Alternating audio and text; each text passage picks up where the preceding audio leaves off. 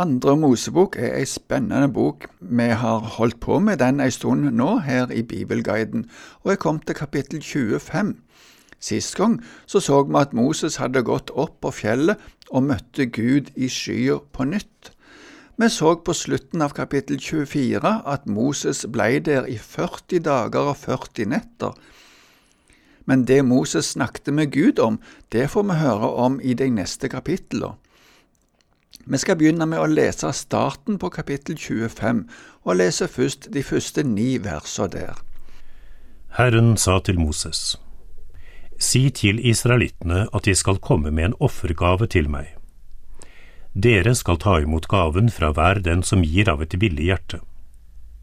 Dette er gavene som dere skal ta imot fra dem, gull, sølv og bronse, purpurblått, purpurrødt og karmosinrødt stoff, tøy av fint lin og geitehår, rødfargede værskinn, andre fingarvede skinn og akasietre, olje til lampene, krydret balsam til salvingsoljen og til den velluktende røkelsen, onyksstein og andre steiner til å sette på efoddrakten og bryststykket.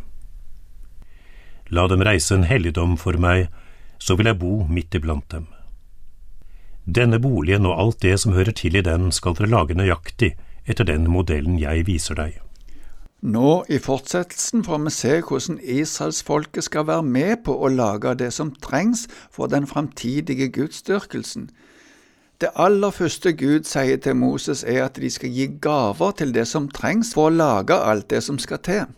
For det første må vi holde fast at alt er mulig for Gud, så han kan gjøre det han vil, uavhengig av oss.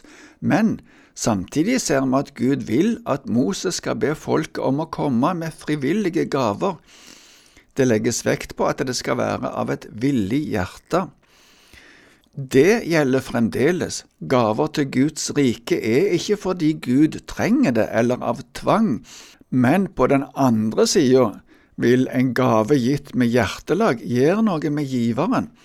Han eller hun får være med på det Gud virker iblant sitt folk. Vi får være Guds medarbeidere på denne måten.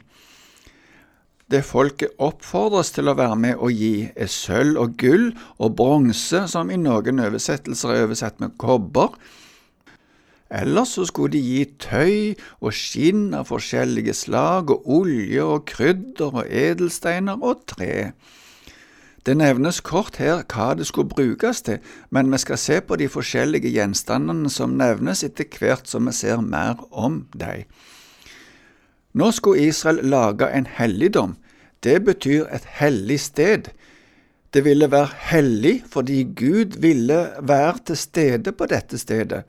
Moses ville få se modeller av boligen som skulle lages for gudstjenesten, og òg av en del av gjenstandene som skulle brukes der. Men det er interessant å se at Gud sier at Han vil bo midt iblant de. Til nå hadde de en forståelse av at Gud var langt borte, og at han var skremmende, men nå ville han komme nær. En av de mest sentrale gjenstandene som skulle lages, er det som kalles paktkisten. I norsk bibel kalles det paktens ark. Vi skal lese om det fra vers 10 til 22. Dere skal lage en kiste av akasietre, to og en halv alen lang, en og en halv alen bred og en og en halv alen høy. Du skal kle den med rent gull både innvendig og utvendig, og lage en gullkant rundt den. Du skal støpe fire gullringer og feste dem til de fire hjørnene, to ringer på den ene siden og to ringer på den andre siden.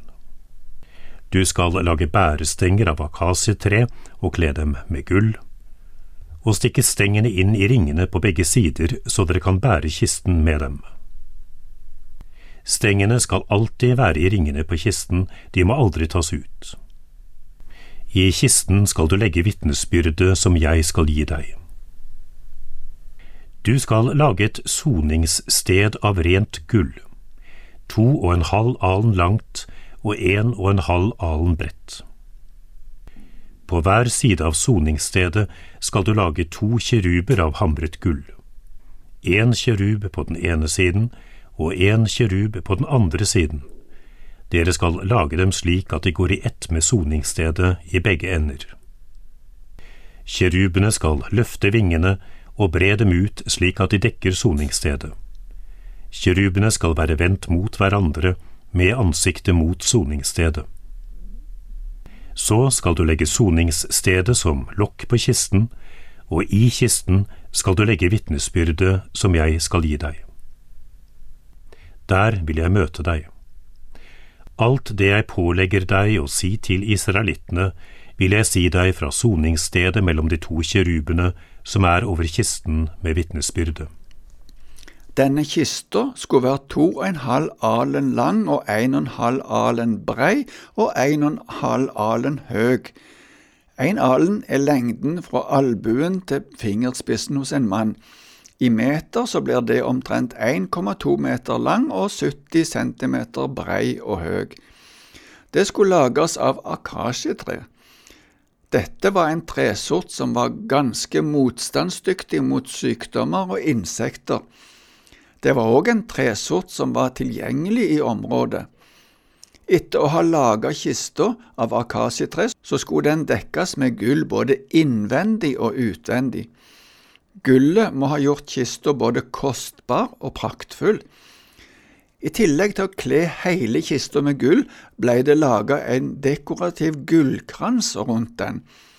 Dessuten var det en gullring i hvert hjørne som skulle brukes for at den skulle kunne bæres. I disse gullringene skulle det være noen stenger av akasietre, som òg ble kledt med gull. Stengene skulle være der fast og de skulle ikke tas ut, og det var fordi paktkisten var så hellig at ingen måtte berøre den. Oppi kista skulle de legge de steintavlene som Moses skulle få, som her kalles for vitnesbyrde. Etter hvert havna òg Arons stav og krukka med manna oppi denne kista. Kista skulle stå i det innerste delen av det teltet som ble reist. Det skal vi komme tilbake til etter hvert, men når vi ser på historien, så ble kista tatt ut og frakta rundt uten at teltet var med.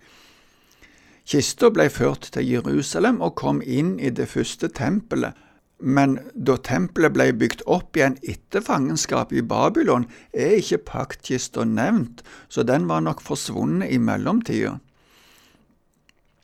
Det vi leste i den andre delen av den teksten som vi nettopp leste, og som handler om soningsstedet, var egentlig lokket på paktkista.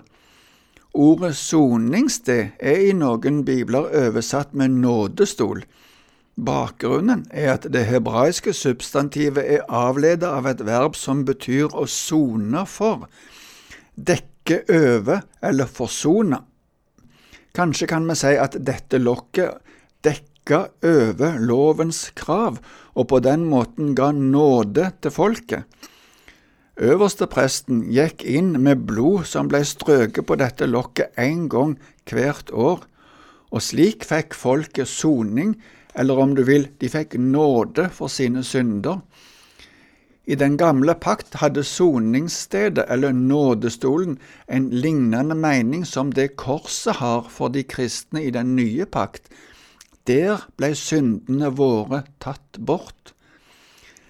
Dette lokket var lagt av rent gull, står det. Det dekka hele kista. Oppå dette lokket ble det laga to kjeruber. De ble laga av gull, hamra gull, står det. Kjerubene det var en slags engleskikkelser. De hadde to vinger hver som var utbredt over dette lokket, og mot hverandre Kjerubene sto i hver sin ende av dette lokket, eller soningsstedet. Dette var den eneste avbildningen som var lovlig i den hellige tilbedelsen av Herren. Broderte mønster av kjeruber ble òg brodert inn i stoffet på forhenget i teltet. Det kommer vi nok òg tilbake til etter hvert. Gud lova at han skulle møte Moses der, eller etter hvert ble det øverste presten som skulle møte Gud der. Noen tenker at dette er en slags tronstol for Gud. Vi kommer til å se litt mer på dette etter hvert, og det er òg sentralt videre i Mosebøkene. Men nå går vi videre og ser litt på en annen gjenstand som Moses fikk oppskrifter for, kan vi si.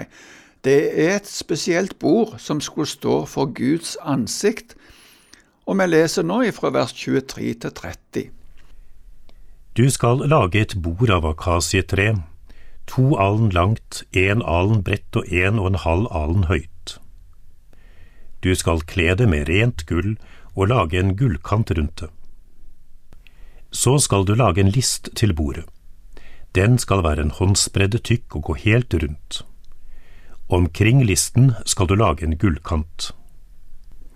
Du skal lage fire gullringer til bordet og sette ringene på de fire hjørnene ved de fire føttene. Ringene skal være inntil listen. De skal være holdere for stengene som er til å bære bordet med. Stengene skal du lage av akasietre og kle med gull. Med dem skal bordet bæres. Til bordet skal du lage fat og skåler, kanner og boller til drikkeofferet. Av rent gull skal du lage dem. Se til at det alltid ligger skuebrød på bordet for mitt ansikt. Dette bordet skulle på samme måten som paktkista lages av akasietre og kles med gull, og dessuten så skulle det ha en gullkant rundt. På dette bordet skulle det ligge noen brød. Vi kommer ellers tilbake til dette bordet òg seinere. Bordet skulle òg ha ringer, slik at det kunne bæres med stenger. Det var en ordning som var nødvendig fordi folket var på vandring. De skulle flytte med seg alle gjenstandene ifra sted til sted etter hvert som de nærma seg det lova landet. Det skulle òg lages fat og skåler av gull. Bare det beste var godt nok når det var noe som skulle helliges for Gud eller være skilt ut til bruk i gudstjenesten. På dette bordet skulle det ligge skuebrød hele tida. Disse brødene er beskrevet mer i Tredje Mosebok 24, det skulle være tolv brød som representerte de tolv stammene i Israel. De skulle ligge i to rekker med seks brød i hver rekke. De ble kalt skuebrød fordi de ble plassert foran Guds ansikt. Vi har et avsnitt til i dette kapitlet, og det handler om lysestaken, men det må vente til neste gang. Vi skal òg se på det teltet som de skulle lage til. Takk for i dag.